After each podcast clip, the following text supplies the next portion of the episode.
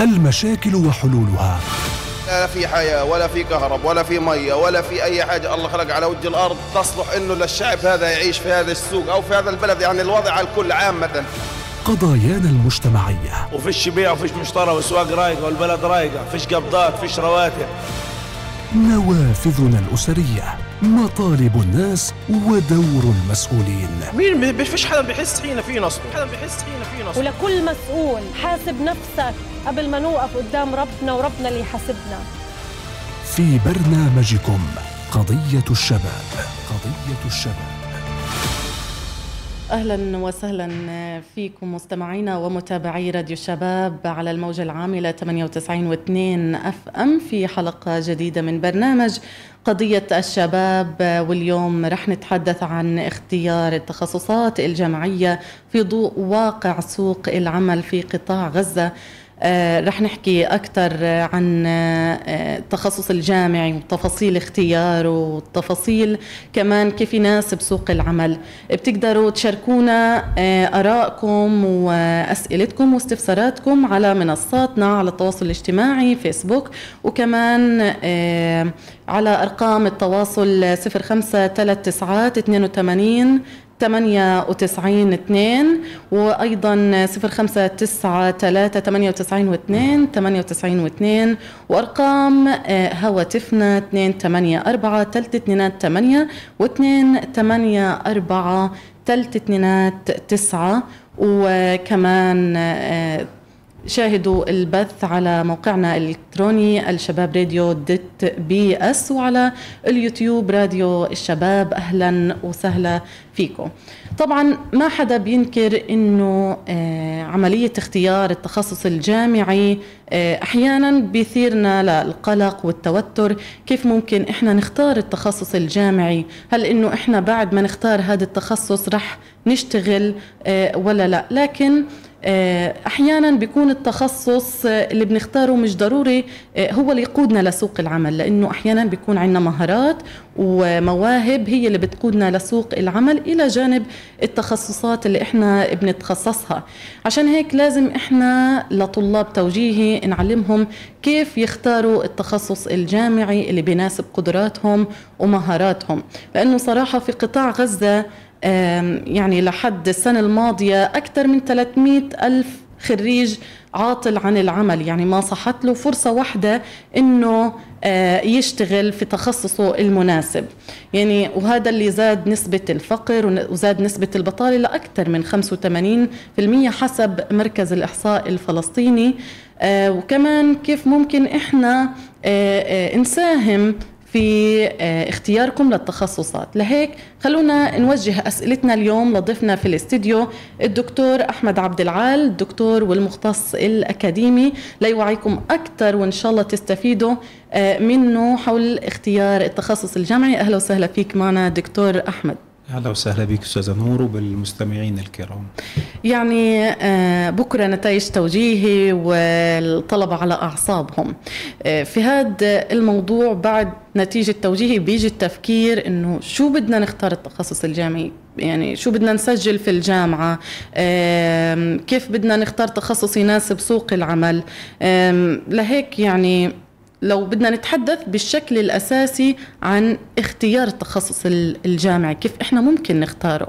نعم. في البداية اسمحي لي أنه أن نرسل بأطيب الأمنيات للأهالي للأمهات للآباء ولا طلابنا طلاب الثانوية العامة وإن شاء الله تكون النتائج مفرحة وإن شاء الله بيكون يوم سعيد على الجميع. لكن بغض النظر عن النتيجة هو الطالب والطالبة أنجز ما لديه من جهد ومن تعب ومن سهر ليالي والآن يقطف ثمار هذا النجاح. بغض النظر عن النتيجة كمان مرة يستطيع الدخول إلى الجامعة والاستمرار في حياته المهنية.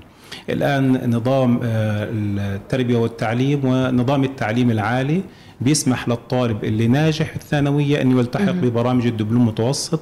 بيسمح للطلبة بمعدلات مرتفعة يكملوا في برامج البكالوريوس أو يجسروا من الدبلوم المتوسط للبكالوريوس. كمان بيسمح للطلبة اللي ما حالفهم الحظ وما نجحوا لا سمح الله إنه يكملوا في برامج الدبلوم المهني.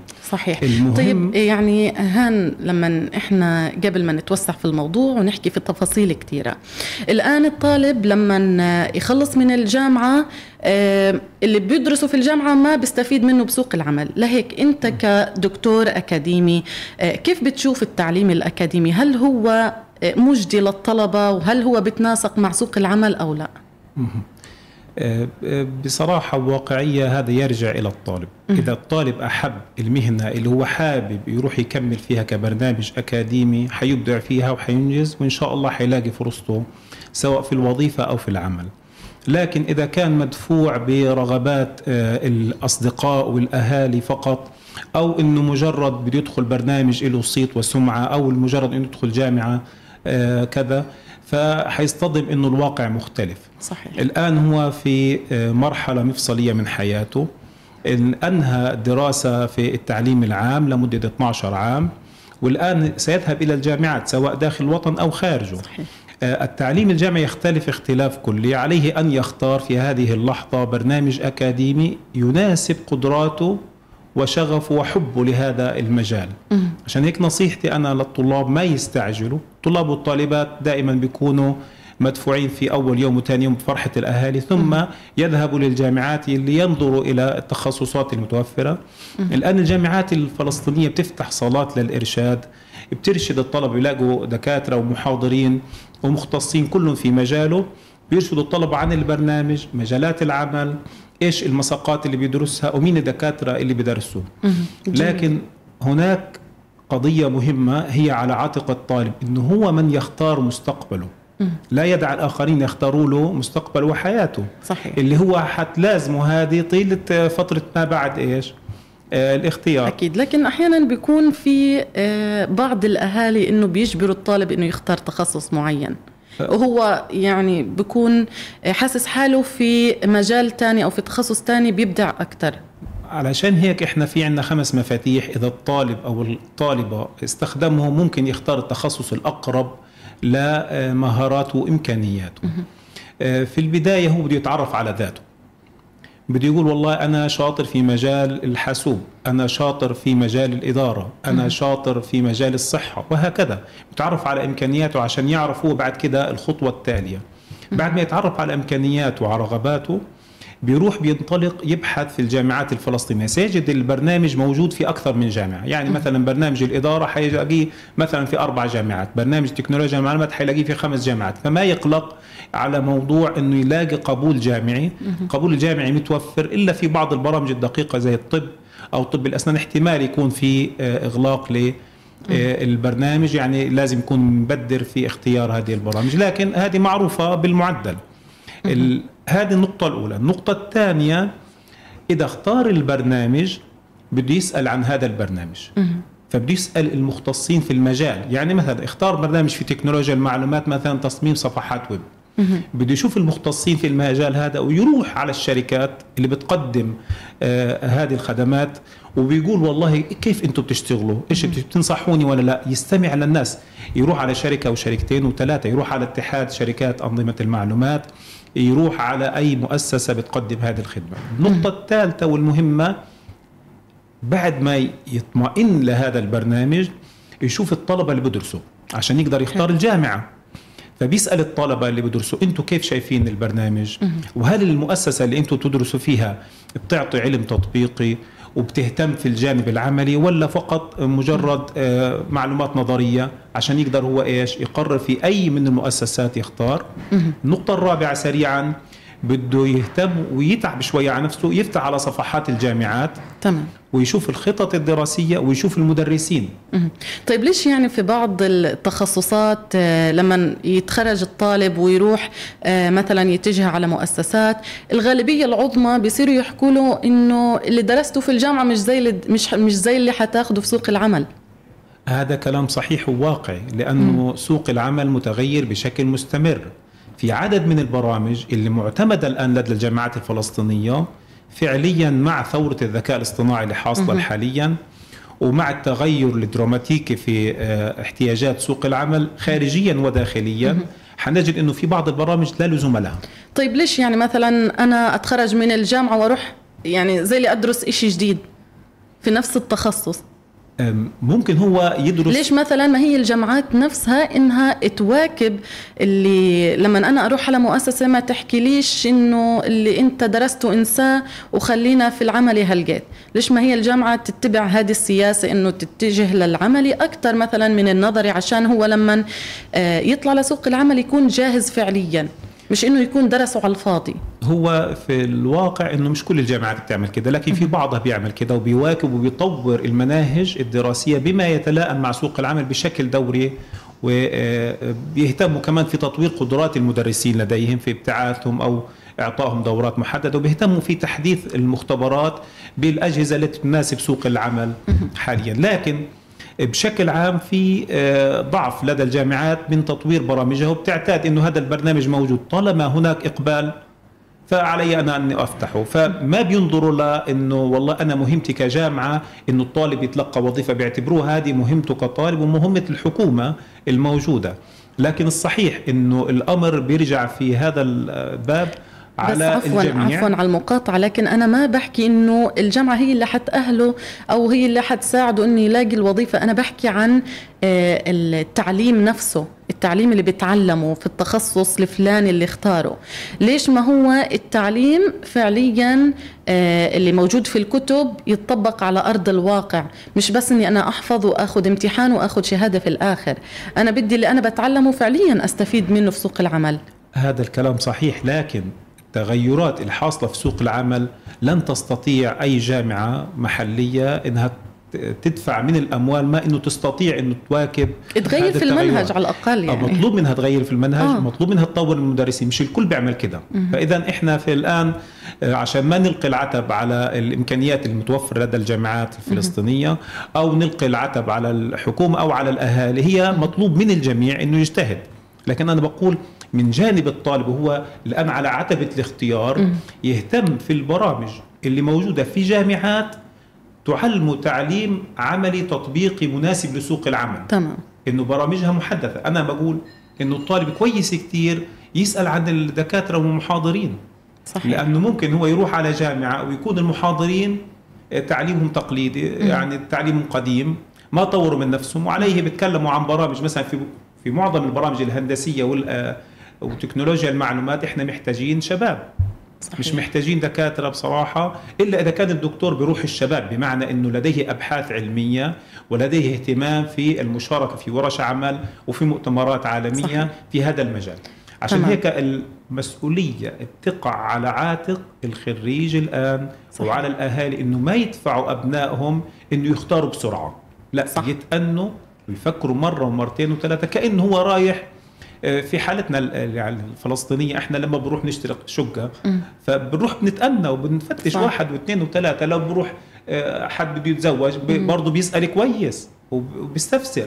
كذلك هذه آه، مرحلة مصيرية فعليه أن يسأل ويستفسر عن هذه البرامج. طيب الآن الطالب اختار التخصص ونزل جدول المحاضرات والمواد. تمام؟ هل قد في المواد اللي بتكون مختارة للتخصص نفسه؟ ليش الجامعات بتتوجه إنها تعطي الطالب آه، يعني آه، اللي هو متطلبات جامعة؟ آه، ليش بتتجه لهذا الاتجاه؟ هل هي بتفيده في في سوق العمل وحياته المهنية؟ ويعني أنت كدكتور أكاديمي وشايف آه، وعارف التخصصات اللي اللي بتكون موجودة وفي المواد في متطلبات بتزيد عن 50 ساعة. طب شو أنا بستفيد منها في النهاية؟ شو بتفيدني؟ وبالتالي كمان يعني أنت شايف الوضع الاقتصادي اللي بيعيشه قطاع غزة مش بس إنه آه، هو أعطاني اختياري أو المتطلبات الجامعة بل إنه زاد علي ال- الساعات اللي أنا بدي أدفعهم. نعم. هو المتطلبات الجامعية آه، بشكل عام موجودة في كل جامعات العالم. يعني هي مش فكرة فلسطينية لا هي فكرة عالمية. أنا درست مثلا في جامعات في بلجيكا لديه متطلبات جامعات. درست في تركيا لديه متطلبات جامعات. درست في درست في أمريكا نفس الكلام. تمام. لكن تختلف المساقات اللي آه، الجامعة أو الدولة بترغب أنه تسقل مهارات الطلبة فيها. يعني مثلا في برامج الدبلوم المتوسط تشترط وزارة التربية والتعليم على كل آه، كليات الجامعية وكليات المجتمع في فلسطين أنه تعطي عدد من المساقات والمساقات هذه محددة من الوزارة. منها مساقات اللغة مثلا اللغة الإنجليزية اللغة العربية الحاسوب إلى آخره. طيب هذه المساقات عفوا على المقاطعة بتحددها الوزارة يعني المتطلبات الجامعية بتحددها الوزارة آه، في مجال في بعض الأحيان. برامج الدبلوم المتوسط. وتترك للجامعات في مجال برامج البكالوريوس إنه تحدد ما يتناسب مع الحالة الوطنية. وعليه الجامعات تجتهد والمساقات متقاربه لكن تختلف من جامعة لأخرى. المشكلة ال- الكبيرة لدينا إنه الجامعات تجتهد في مجال آه، هذه المساقات لكن في بعض الأحيان تزيد عن الحد المطلوب. بمعنى إنه تؤثر على مساقات الاختصاص. فبيصير عدد المساقات المطلوبة كمتطلب جامعي عشان تسقي مهارات الطلبة في المعارف العامة كبيرة مناسبة مع عدد المساقات اللي بتسقي الطلبه في المجال التقني والاختصاص. المهم كتير إنه هذه المتطلبات الآن في حاجة لتغييرها. الآن الطلبة محتاجين مساقات في مجالات العمل الحر. صحيح. محتاجين مساقات في تنمية المهارات الحياتية. محتاجين مساقات أكثر في مجال اللغات. آه، هذه الجامعات حاليا آه، بعضهم يتجه هذا آه، في هذا الاتجاه وبغيره لكن بعض الجامعات تركوا هذا الأمر وظلوا على السياق القديم من المساقات القديمة. اللي ما بتواكب التغيرات الحاصلة اللي هو في سوق وجود العمل. التطور التكنولوجي كمان اللي آه، في ال- ال- اللي هو التخصصات العلوم الإنسانية. في ظل هذا التطور اللي إحنا بنشوفه آه، في ظل هذه الحداثة إنه هل فعلا هي أصبحت في الماضي هاي التخصصات ال- العلوم الإنسانية ولا آه، لحتى الآن إحنا بنحتاجها وبيحتاجها الطلبة؟ وهل يعني آه، سوق العمل بحاجة إلها؟ الآن سوق العمل زي ما حضرتك تفضلتي الفلسطيني داخل الوطن أو في قطاع غزة بشكل أساسي محدود. صحيح. وعليه إذا الطالب بده يختار برنامج عشان الوظيفة فهو هيك بيكون وضع نفسه في إطار ضيق. صحيح. وقد يتفاجأ لاحقا أنه ضيع أربع سنوات من عمره أو أكثر في مجال ما كانش هو مفروض يدخله. وبعد كده بده يضطر يغير من آه، مجالات عمله ويبذل وقت أكثر وجهد أكثر. الآن عشان ما يكون هذا هو الهدف لازم أنا أنظر الآن للبرامج اللي بتتيح لي العمل عن بعد أو بتتيح لي أنه أشتغل جنب آه، الوظيفة أو ما بتحدني في مجال محدد. يعني ما بينفع أنا أدخل برنامج حاليا وإنه فقط عشان في إعلان وظيفة واحدة بتنزل له أنا كطالب الآن لما باجي أختار ولما الطلاب يجونا في صلاة الإرشاد بسالهم سؤال واحد. هل اطلعتوا على الوظائف الحكومية وقديش آه، المطلوب في هذه الوظيفة أو في هذه المهنة. بيجيني طالب مثلا بده في تكنولوجيا المعلومات مثلا بده يدرس امن سيبراني مثلا. بقول له هل اطلعت قديش في إعنا- إعلانات محلية؟ للوظيفة. بيقول ما اطلعت. بنقول له هي مثلا ديوان موظف الموظفين وبنزل آه، بتنزل إعلانات الوظيفة. اطلع عليها. طيب هذا لا يكفي لأنه إحنا بنحكي عن وظائف حكومية محلية وهذا أحد آه، المسارات للوظيفة. هل اطلعت على سوق العمل الخاص عندنا لدينا؟ ثم هل اطلعت على منصات العمل الحر والجوبس اللي بتنزل عالميا سواء آه، اقليميا أو عالميا في هذه الوظيفة؟ هذا جهد مطلوب. صحيح. طبيعي مطلوب من الجامعات إنه تنور الطلبة لأنه طالب الخريج الثانوية العامة لسه بيكون معلوماته محدودة وبيحتاج مين ينوره ويعرفه ويوضح له وين يروح ويشوف بعينه. الآن إذا اطمأن فالطالب بصير إنه هذا البرنامج بقدر أدخل فيه. لكن البرنامج لا وحده لا يكفي. عشان هيك تيجي المتطلبات الجامعية المفروض تكون محدثة إنه يقوي لغته الإنجليزية. يبقى هذا دور المتطلبات الجامعية اللي مفروض الجامعات تدخل مساقات مختصة في مجال اللغة آه، سواء صح. المستويات المبتدئة أو المتوسطة أو المتقدمة لأنه صار الحاجة لها أكبر زمان كان الطالب لما يجي يتخرج كان يلاقي الوظيفة محليا فاحتياجاته لمهارات اللغة تكون محدودة. محدوده حاليا محتاج مهارات اللغة بشكل قوي مهارات الاتصال والتواصل بشكل قوي ومهارات العرض والتقديم بشكل قوي وكمان المهارات الحياتية. يعني محتاج أكثر من مهارة وهذا اللي بيدينا إنه أنا كطالب محتاج والله أفهم الجامعة وأشوف الخريج وأشوف معدلات التوظيف من هذه الجامعة ومن هذا البرنامج عشان أنا أقدر أقول إنه والله أنا في المسار الصحيح. ومع كل هذا وبعد ما يختار البرنامج والجامعة مطلوب منه يعرف إنه خلص مدرسة. بمعنى إنه اللي كان كطالب يعمله إنه يروح على الحصة وهذا إنه يستنى المدرس يجي وعشان يعلمه. لا في الجامعة الأمر مختلف. صحيح. بيجي المحاضر الجامعي بيعطي المحاضرة والطالب هو اللي بيبذل جهد بعد المحاضرة لتمكين نفسه من المهارات اللي تعلمها. جميل. الآن هل بنقدر نقول إنه إحنا بنقدر نستغني عن الجامعات؟ لحتى الآن ما بقدر أقول الكلام هذا. صحيح. لكن هل الجامعات وحدها كفاية؟ لا. هل البرنامج الأكاديمي في الجامعة الفلسطينية المحلية وحدها يكفي؟ لا. طب إيش اللي بي... اللي بنحتاجه كمان؟ بنحتاج جنب بالبرنامج الدراسي سنة بسنة يعني من سنة أولى لازم لسنة رابعة أو خامسة حسب البرنامج أو سادسة لازم كل سنة يضيف لمهاراته في سوق العمل إيش الجديد المطلوب في مجاله لأنه الجامعات دائما بتعطي المعارف العامة صحيح. وبتعطي المهارات اللي مطلوبة بشكل عام. ما بتحط الطالب في اختصاص دقيق مرة واحدة.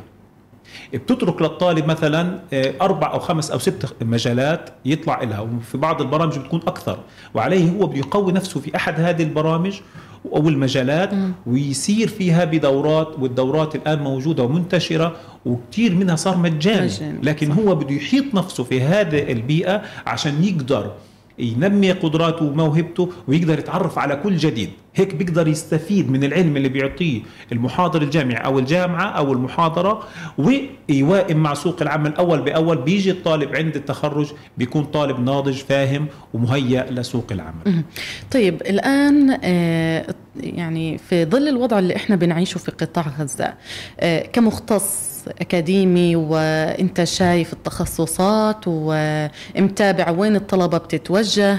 الآن أنا بدي أنصح الطلبة اللي اللي حينتقلوا على المرحلة الجديدة بما يتناسب مع سوق العمل في ظل الوضع الاقتصادي الصعب اللي بنعيشه. شو ممكن آه نقدم معلومة لطلبة التوجيهي آه في الاختيار في اختيارات التخصصات؟ يعني شو التخصصات اللي ممكن تأهلنا لسوق العمل؟ الآن التخصصات بشكل عام سواء التخصصات الإنسانية الإدارية الصحية تكنولوجيا المعلومات الهندسية أو القانونية كل البرامج بشكل عام أه، مطلوبة. لكن مطلوبة عالميا.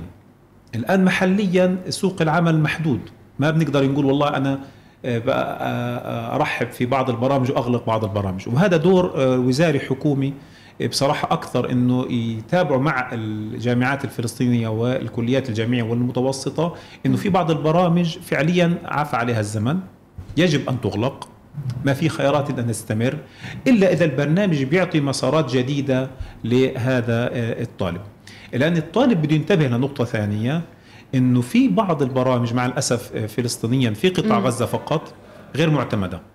للأسف. وعليه بده يهتم إنه يدرس في جامعة معتمدة وبرنامج معتمد. معتمد، نعم. الاثنين لازم يكونوا معتمدين عشان ما يتفاجأ لاحقا إنه ما في تصديق على وهذا شهادته. بيعود الدور على الجامعة. آه، لا على الطالب لأنه الجامعة حتقول إنه برامجي معتمدة. طيب ليش يعني تتوجه لهذا الاتجاه؟ آه، يعني بسبب الاختلاف أو الانقسام اللي موجود في برامج آه، غير معتمدة. بشكل عام يعني. وهن على مين بيقع العاتق؟ على الطالب يعني مثلا؟ الطالب- أنا دخلت التخصص وما عرفتش إنه معتمد. يعني هذه الجامعة حكت لي معتمد لكن هو بالفعل مش معتمد. يعني هنا الوزارة هي السبب حتكون. لا لا ال ال ال أنا ما بح- بحمل حد أسباب لأنه آه بنعرف الحالة الفلسطينية الموجودة عندنا. صحيح. الآن الوزارة بتصدر آه تقرير وبتصدر كمان قرارات. وفي قرار آه لاسس القبول في الجامعات الفلسطينية. بتحدد فيه معدلات القبول وبتحدد فيه البرامج المعتمدة محليا وعالميا. مثلا بتقول الوزارة انه والله يقبل الطالب في الطب وطب الأسنان من 85 فأعلى داخل الوطن وخارجه. لو جاء طالب وراح درس خارج الوطن بمعدل أقل من المعدل المقبول. نعم. حيرجع الآن عشان يصدق شهادته. مش حيتعتمد فحيصير هو كأنه عمل شيء خطأ. وهو اللي بيتحمل المسؤولية في هذه الحالة لأن أسس القبول موجودة. كذلك البرامج المعتمدة موجود على مو موجودة على موقع الهيئة الوطنية للاعتماد والجودة والنوعية. يجب أنه الطالب يروح يطلع على الموقع أو أنه يطلب من الجامعة إذا ما لقى الاسم البرنامج معتمد يطلع ويطلب من الجامعة نعم. اللي هو كتاب الاعتماد من وزارة التعليم والبحث العلمي. وزارة التعليم العالي والبحث العلمي. زائد إنه بده يهتم الطالب كمان خصوصا الطلبة اللي بياخذوا خيار خارج الوطن يعني بده يروح يدرس في مكان خارجي. إيه، طبيعي أنا بشكل عام ما بنصح الدراسة خارج الوطن طالما إنه البرنامج متوفر داخل الوطن. إلا إذا توفر للطالب منحة. أه. لأنه التكاليف المالية بشكل عام كبيرة. صحيح. والحياة عمالها خارج آه، فلسطين مش يعني أحن يعني من البلد يعني عليه الطالب إذا بده يدرس خارج الوطن أول حاجة بده يكون مغطى ماليا بشكل جيد. اثنين بده يختار البرنامج الآن اللي بتتوائم مع أسس القبول المعتمدة من الوزارة. ما بينفع أنا أدرس مثلا برنامج هندسة وأنا معدلي أقل من 80% ما بينفع أدرس برنامج هندسة وأنا أدبي مثلا أو شرعي أو هكذا. لازم أكون فرع علمي. وهكذا. ففي أسس القبول سواء للبرامج الهندسية أو الصحية أو القانونية أو يعني البرامج الإدارية موجودة ومعلنه ومحدثة بشكل دوري كل عام والآن منشورة ويستطيع الطالب التأكد منها. وللأسف يعني إحنا بنلاقي بعض الطلبة إنه خلص بيدرس بالخارج فبتلاقي الدولة اللي بيدرس فيها احتضنته. فخلص بقول أنا ليش أرجع للبلد؟ ما البلد وضعها صعب. آه، هذا خيار آخر. هو في رغبة من الطلبة عارمة إنه ياخذ مسار التعليم في الخارج كخيار هجرة. وهذا موجود. وهذا ما بنعيبه لأنه هذا أنا أنا شخصيا ما بعيبه على الطالب. إذا هو عنده الإمكانيات وبيقدر يسافر لأنه الغربة كربة يعني مش إشي سهل ومش إشي بسيط الواحد صح. يترك وطنه وأهله وشعبه ويروح لمكان جديد. إذا هو بيستطيع على هذه النقلة وبيثبت نفسه هناك وبيستطيع بصراحة آه، أنه يكمل البرنامج على أحسن وجه فليكن. هو بعد كده صاحب الخيار بعد ما ي- ياخذ البرنامج ويكمل مثلا علمه إنه يرجع على الوطن أو يعني يكمل خارج الوطن أنا ما بدخل في التفاصيل هذه. لكن أنا اللي بتكلم فيه الجانب الأكاديمي صحيح. والوزاري إنه بده يهتم إنه البرامج هذه لو كان عنده خيار الرجعة إنه تكون البرامج ضمن المعتمد طب مثلا. يعني آه، البرامج اللي أنت بتحكي عنها تقدمها منها لل آه، في الدول الأخرى ليش مثلا ما يتم آه، تخفيض رسومها في الجامعات المحلية؟ حقيقة يعني هو في شيء جيد. ما هو ابن البلد يعني عفوا. هو في شيء جيد للطالب اللي بدرس برا إنه ممكن يتعلم لغة جديدة وممكن يتعرف على بيئة جديدة وثقافة جديدة ولما يرجع حيفيد البلد بلا شك. وحيكون هو كمان مستفيد بشكل أساسي. لكن آه، إذا أنا بدي أقارن أسعار الساعات آه، في الجامعات الفلسطينية مع أسعار الساعات في الجامعات الخارجية طبيعي الجامعات في الخارج آه، حسب الجامعة وحسب ال- ال- الخريج هل هو من داخل البلد يعني مواطن ولا أجنبي؟ إذا مواطن في غالب الجامعات اللي أنا زرتها على الأقل بتكون مجانية دراسة لهم لكن لو أجنبي بيكون في عندنا رسوم أو في منحة بتغطي له. رسوم حسب الدولة طبيعي. الآن في الوطن إحنا يعني الجامعات هي اللي بتحدد أسعار الساعات وليس الوزارة. الوزارة ما بتشترط على الجامعة لو الجامعة قالت أنا بدي أدرس هذا البرنامج مجاني وفي بعض الجامعات لتعزيز الإقبال على بعض البرامج محليا بتخفض الرسوم أو بتعمل منح مؤقتة. وهنا الطالب طالب الثانويه بده ينتبه لما يجي يختار ويشوف إعلانات المنحة وهذه حتصير بكرة من, من صباح صح. الغد حيبدأ الطلبة ي- يتصل لهم رسائل من عدد من الجامعات. إذا ما كانش وصلهم أصلا يعني أنا أتوقع حتى بعض الجامعات بتبدر وبترسل آه، رسائل جوالات للطلبة أو إعلانات billboards في الشوارع أو إعلانات فيس. حتلاقي في كثير من زخم الإعلانات الآن والكل حابب هذا الخريج تبع الثانوية العامة. آه، وبيقدم له عماله منح دراسيه وبخفض له الرسوم. لكن هل هذا تخفيض حقيقي؟ لأنه ممكن المنح تكون يعني لفترة محددة. يعني الطالب بيروح بيشوف والله أنا عندي منحة 75% بس يتفاجئ إنه لفصل دراسي واحد أو عام دراسي واحد. أو أو بشرط إنه الحفاظ على معدل كذا. فهذه المنحة مشروطة. وفي منح غير مشروطة. يعني في منح بتقدمها الجامعات الفلسطينية لأهالي.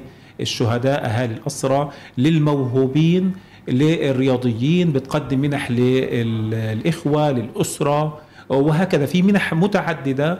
وحتى أنا شفت بعض الجامعات بتقدم لحفظة القرآن الصحيحين إلى آخره. فالجامعات الفلسطينية بتعمل جهدها لكن في مجال آه، تحديد سعر الساعة هذا بصراحة يخضع للتكلفة المقدرة من آه، تكلفة المحاضرين والمختبرات. والعمل الميداني المطلوب أن توفره لهذا الخريج. آه، طيب سؤال يعني قبل ما ننتقل لفاصل قصير. آه، الآن بدنا نتحدث في جانب التخصصات.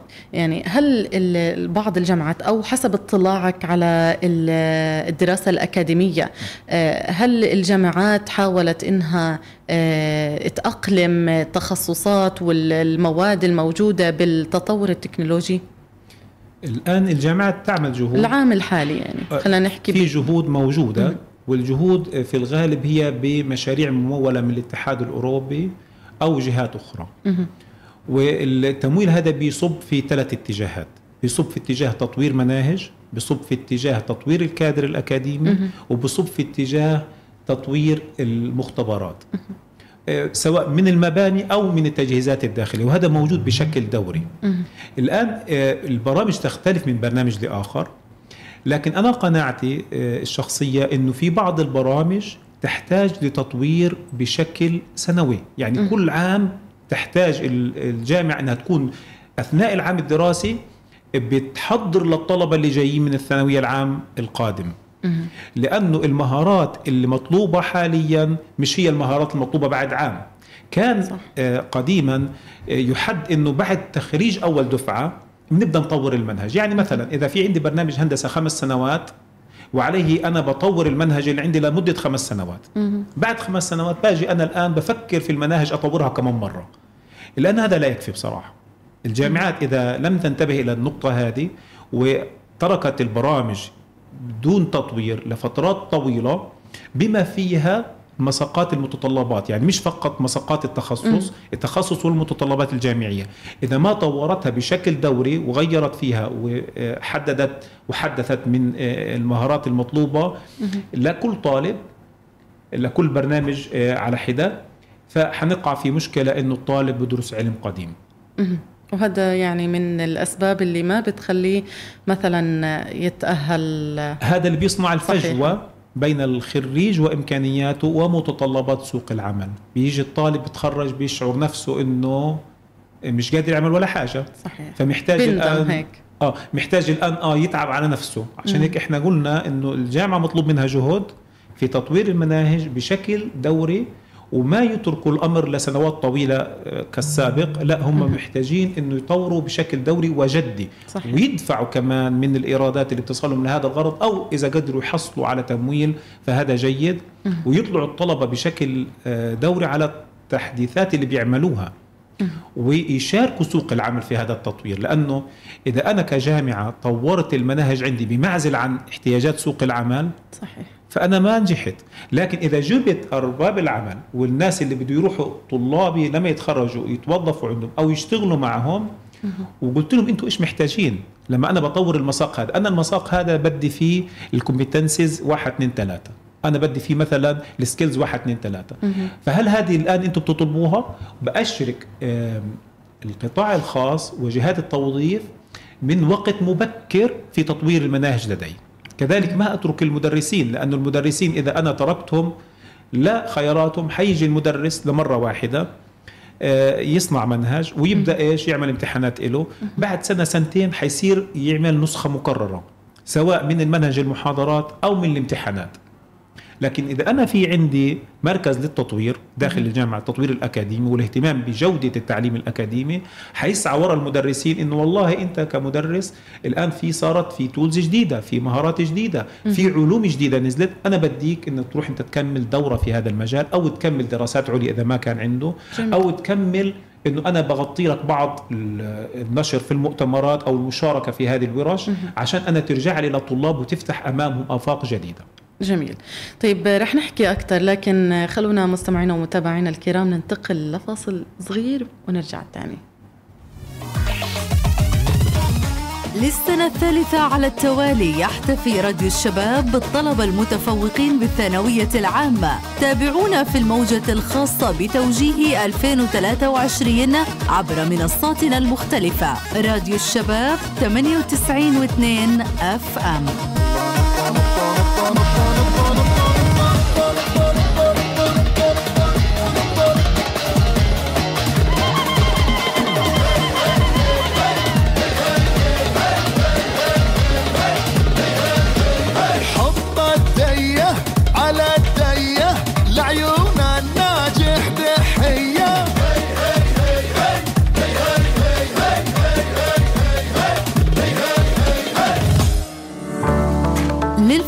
مظاهر كتيرة وأساليب أكتر لكن استخدام المفرقعات والألعاب النارية وإطلاق النار في الهواء يمكن أن يؤذي الآخرين. لذلك حافظوا على فرحة النجاح لطلاب الثانوية العامة. راديو الشباب 98 و2 أف أم.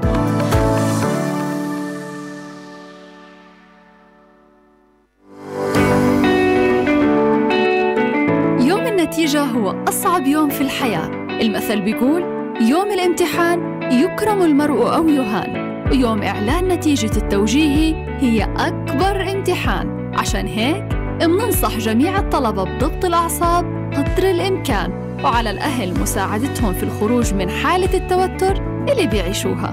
وبإذن الله النجاح والتفوق حليفكم. راديو الشباب 98 و2 أف أم.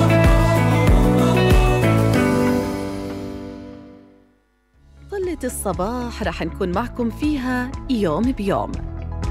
المواطن بنوصل صوته وبنحل مشاكله والهموم المجتمع بنطرح قضايا بكل وضوح وحيادية بنتابع الأحداث بكل دقة ومصداقية. لنفتح شبابيك الأمل والعطاء والحرية.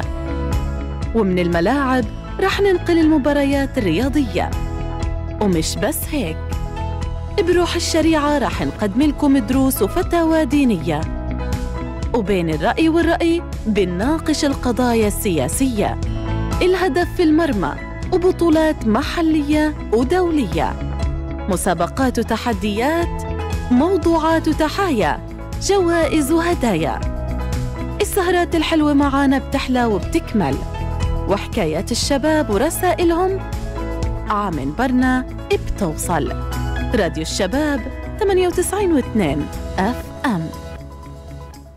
أهلا وسهلا فيكم من جديد مستمعينا ومتابعينا الأعزاء في برنامج قضية الشباب وهذه الحلقة الخاصة بطلاب توجيه اللي راح ينتقلوا للمرحلة القادمة اللي هي مرحلة الجامعة والتخصصات الجامعية نرجع لضيفنا في الاستوديو الدكتور أحمد عبد العال. يعني في الحديث عن التخصصات الجامعية وكنا بنحكي عن ال ال الوظائف وبنحكي عن شو التخصصات اللي بتناسب سوق العمل.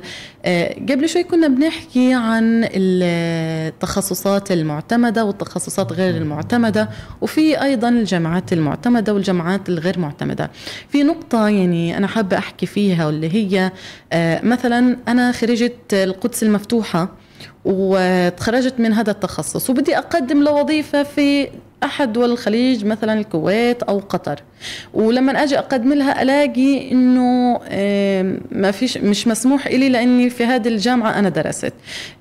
هنا ليش إحنا ما ننوه مثلا من الوزارة؟ ليش ما تنوه الطالب إنه هذه التخصصات وهذه الجامعات في الدول الفلانية ما بتنقبل. تمام. هو الاعتماد في اعتماد الوطني للجامعات الفلسطينية فالمكان اللي يعتمد فيه الجامعات ثم تعتمد فيه البرامج هي وزارة التعليم العالي والبحث العلمي. ففي عندنا في الوزارة الهيئة الوطنية للاعتماد والجودة والنوعية في نشرة في كل الجامعات والبرامج المعتمدة في هذه الجامعات. ومنها طبيعي جامعة القدس المفتوحة جامعة بيرزيت النجاح جامعة الأزهر الإسلامية غزة فلسطين كل الجامعات خضوري المعتمدة وطنيا. مم. الآن تصنف الجامعات الفلسطينية وطنيا لثلاث تصنيفات. في جامعات حكومية وتكون رسومها رمزية مثلا في قطاع غزة جامعة الأقصى. وفي كليات جامعية أيضا حكومية. مم. كذلك في جامعات عامة مثلا زي جامعة الأزهر وفي جامعات خاصة مثلا زي جامعة غزة أو جامعة فلسطين. الآن هذه كلها جامعات معتمدة من الحكومة الفلسطينية من وزارة التعليم العالي والبحث العلمي. أنا بتيجي الدول خارجيا بتقول والله أنا مثلا كدولة في الخليج بدي أنا أحث طلبتي أنه يروح يدرسوا على جامعات محددة في مصر. فبروح بيحددوا عدد من الجامعات المصرية أو عدد من الجامعات الأردنية أو عدد من الجامعات التركية اللي مسموح للطالب الخليجي يروح يدرس فيها اللي من وطنه يروح يدرس فيها. أو كمان بعتمد شهادات هذه الجامعات للخريجين المصدقين حتى لو ما كانش خليجي. وعليه هذه بيرجع للدولة الخارجية. بمعنى. أنه الشهادة معتمدة وطنيا لكن هل في بعض الدول آه، بتعتمدها وبعضها لا يعتمدها؟ هذا موجود لدى كل الجامعات الفلسطينية. وبيجي هنا دور الحكومة الفلسطينية بصراحة. أنه تتحدث مع الدول الخارجية مثلا الخليجية باعتماد هذه الجامعات ضمن الجامعات آه، الفلسطينية يعني هل هو لديها. بي- بيقع على عاتق الحكومة ولا الوزارة؟ الحكومة ممثلة بوزارة بالوزارة. التعليم العالي والبحث العلمي وهناك جهود أيضا آه، إنه يكون كل الجامعات والكليات الجامعية الفلسطينية معتمدة في كل الدول آه، حول العالم لكن القائمة هذه تحدث بشكل دوري سواء في سواء في دول الخليج أو في باقي الدول العربية أو الأجنبية. لكن أنا على آه، آه، اعتبار إنه أنا خريج مثلا من جامعة محددة وطنيا معتمدة لدى وزارة التربية والتعليم أو وزارة التعليم العالي والبحث العلمي. لو أنا أخذت ورحت أكمل دراسات عليا حأقبل في معظم الجامعات حول العالم. في بعض الأحيان مثلا جامعات في أستراليا بتطلب من الطالب آه، إنه يدرس بعض المساقات الاستدراكية. وهذا مش إشي كبير يعني. وبيدرسوا الطلبه وبيكملوا بمعنى انه الشهادات الفلسطينية معتمدة خارجيا سواء لاكمال الدراسات العليا أو للعمل لكن للعمل هناك شروط آه، مستحدثة في آه، بعض الدول. بتحد إنه أنا بقبل بعض الجامعات وما بقبل بعضها وبتوقع الجامعات الغير مقبوله أو غير معتمدة لدى هذه الدول ستعتمد مع الوقت. لكن هنا محتاجين لجهود حكومية آه، قوية في هذا المجال. تمام. طيب معلش بس أدخل في التخصصات أو في ال- اللي بتناسب سوق العمل. آه، هل في مثلا الت- التخصصات يعني معينة أنت بتشوفها مناسبة فعلا آه، لأنه تحد من الفقر وتحد من البطاله اللي اللي بيواجه قطاع غزة؟ الآن معظم إلى جانب مثلا إحنا ممكن الطالب آه، ما بده يدخل هذا التخصص لكن ممكن إنه هو ياخذ دورات ممكن ياخذ آه، تدريبات عشان مثلا آه، يتوجه لهذا التخصص تمام هو معظم البرامج اللي موجودة فلسطينيا تحتاج لتحديث. في الجامعات الفلسطينية الآن تحديث في مجال تمكين الطالب من مهارات العمل الحر والعمل عن بعد. الآن إذا الطالب شعر أنه هذا البرنامج في طلبات عليه وظائف جوبس موجودة على المواقع العالمية وبيقدر هو يشتغل عن بعد فيه وشاف فيه خريجين موجودين وفعليا بيشتغلوا على آه على هذه المنصات وبيدروا دخل أنا بقول له تفضل توكل على الله وادرس في هذا البرنامج. حلو. لأنه حتى لو صار في تحديث فيه فأنت حتحدث وتطور نفسك وأنت بتشتغل في هذا المجال. لكن لو شعرت إنه هذا البرنامج ما في إمكانية له لوظائف عن بعد عالمية أو إقليمية وكمان ما في وظائف محلية زي ما بنعرف فمن بصراحة الخطأ إنه أنا أستثمر وقتي وجهدي ومالي آه، لأنه بصراحة يعني ممكن المال يعوض لكن الوقت لا يعوض العمر صحيح. لا يعوض. ما ينفعش أنا أدخل برنامج لا فيه له وظائف محلية ولا خارجية عشان أنا اقتنعت إنه المؤسسة التعليمية معتمد لديها. ماشي معتمد لديها جيد ولديها مختبرات لكن ما في سوق عمل. ال- المهنة هذه أصبحت من الماضي. واللي إحنا بنتكلم فيه الخطير الآن إنه في عدد من البرامج مع ثورة الذكاء الاصطناعي الحديثة حتنتهي. صحيح. تلقائيا حتقل الطلبات والتوظيف عليه حتتأثر بشكل مباشر. صحيح. وعليه بده ينتبه الطالب إنه ما يدخل برنامج الآن وبعد أربع سنوات إنه ما يلاقي له سوق عمل. صحيح. لأنه آه، صارت ال machine learning أو ال artificial intelligence ك tools يعني موجودة في هذه المجالات بتأدي نفس المهمة. وصح صار صاحب العمل مش محتاج يوظف ناس عشان يعملوا له الشغلة. بيطلب أو إنه المختصين في المجال صاروا يستخدموا هذه الأدوات فصار ينتجوا أكثر. وعليه صار التوظيف أو الطلبات فيه أقل. أقل. وعليه بده ينتبه إنه السوق متحرك ومتغير بده ينتبه إنه لازم يهتم ويتعب على نفسه في البرامج اللي بتوفر جميل. آه، سوق عمل محلي أو خارجي. جميل. إذا هنا يعني ما هو المطلوب أكاديمي في ظل آه، تطور التكنولوجيا الحاصل حول العالم لحتى يواكب هذا العالم؟ والله إحنا محتاجين كجامعات فلسطينية وكمؤسسات تعليم عالي آه، لورش عمل متخصصة ندرس هذه الحالة. لأنه الجامعات الفلسطينية حسب مشاهدتي خلال العام الماضي كانت يعني تستقبل أخبار عن الأدوات الحديثة في مجال الذكاء الاصطناعي مثلها مثل أي مؤسسات وطنية أو مؤسسات خاصة. نعم. لكن مطلوب من العقل المفكر اللي هي الجامعات الفلسطينية اللي هي مفروض هي اللي بترفد سوق العمل وبتطور لي المجتمع الفلسطيني إنها تفكر بمنهجية مختلفة. يعني صحيح. أنا قناعتي إنه كل جامعة فلسطينية الآن محتاجة لدائرة أو وحدة لمجالات الذكاء الاصطناعي. جميل. أصبحت ضرورة وليست آه، بصراحة خيار آه، محدود. والمفترض. وهذه الدائرة بدها تهتم في تحديد المجالات المطلوبة مستقبلا وأثر الذكاء الاصطناعي على هذه المجالات وعلى هذه المهارات. وتطور مناهجها وتطور موظفيها وتطور مختبراتها على هذا النمط. يعني لضيق الوقت يعني إحنا بنشكرك كثير يا دكتورنا الدكتور أحمد عبد العال. آه، فعليا آه، كثير من الطلبة حيستفيدوا من كلامك وكيف إنهم يختاروا هذا التخصص. شكرا كثير لك وكمان يعني آه، للطلبة اللي راح ينتقلوا جديد لحياة جديدة بعيدة عن الحصص الدراسية والمدرسة. آه، إحنا بنحكي لكم إنه قبل ما تختاروا التخصص اعرفوا أنتوا شو في عندكم مهارات؟ أنتوا وين بتحسوا بالشغف؟ أنتوا آه، وين بتحسوا ميولكم رايح؟ عشان انت لما بكرة تختار تخصصك الجامعي تحكي فعلا هذا التخصص اللي أنا بقدر أبدع فيه هذا التخصص اللي أنا عارف إني راح أشتغل بعد ما أتعب أربع سنين دراسية. وكمان يعني حددوا قدراتكم وحددوا مهاراتكم وبنفس الوقت إنه لازم تختار التخصص اللي بيناسب سوق العمل واللي فعليا بيفيدك أنت آه، بيفيد أحلامك توقعاتك. لهيك آه، ما تستعجلوا ابدا في اختيار التخصص الجامعي.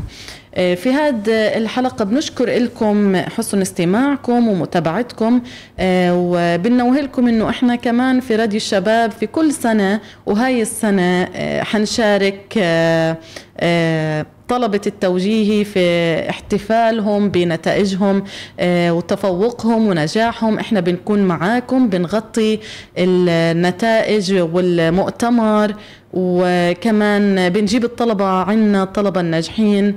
وبنروح على بيوتهم بنشاركهم أفراحهم وفرحتهم. لهيك يعني آه اتصلوا علينا. إحنا حنيجي ونشارككم هذه الفرحة وحتكونوا وحنكون معكم دايما لأنه آه هذا واجبنا وإنه نكون مشاركين آه فرحتكم في هذا اليوم. كمان أهم إشي بنتمناه من جميع المواطنين وبنتمناه من جميع الأهالي وبنتمناه من جميع المكتبات اللي بتبيع الألعاب النارية وكمان الأشخاص اللي بيحملوا أسلحة إنهم ما يطلقوا النار والمفرقعات تكون بعيدة عن المواطنين حتى آه، ما يحصل في إصابات أو حالات وفاة وتتحول الفرحة لحزن لهيك. انتبهوا وكونوا آه، واعيين كتير في هذا الموضوع لحتى الفرحة تكتمل. وما تنسوا احتفاليتنا غدا وكمان بتقدروا تتابعوا نتائجكم على موقعنا الإلكتروني. بتلاقوه في. في وجهكم. أول ما تفتحوا موقع راديو الشباب على جوجل رح تلاقوا رابط آه، النتائج. بتقدروا تفحصوا باسم آه، الشخص أو الطالب اللي أنتم بدكم نتيجته. لهيك بنتمنى كل الطلبة في توجيهي إنهم يكونوا ناجحين وجايبين علامات عالية ويفرحوا حالهم ويفرحوا أهاليهم وإن شاء الله ما بضيع تعب أي طالب. لهيك لهان يعني بنشكر ضيفنا في الاستوديو الدكتور أحمد عبد العال الدكتور والمختص الأكاديمي وكمان بشكركم لحسن آه، الاستماع والمتابعة وشكرا لطاقم العمل. هذه تحياتي دمتم بود إلى اللقاء. المشاكل وحلولها. لا في حياة ولا في كهرب ولا في مية ولا في أي حاجة. الله خلق على وجه الأرض تصلح إنه للشعب هذا يعيش في هذا السوق أو في هذا البلد. يعني الوضع على الكل عامة قضايانا المجتمعية. وفيش بيع وفيش مشترى واسواق رايقة والبلد رايقة فيش قبضات فيش رواتب. نوافذنا الأسرية مطالب الناس ودور المسؤولين. مين ما فيش حدا بيحس حين في نصب. حدا بيحس حين في نصب. ولكل مسؤول حاسب نفسك قبل ما نوقف قدام ربنا وربنا اللي يحاسبنا. في برنامجكم قضية الشباب. قضية الشباب.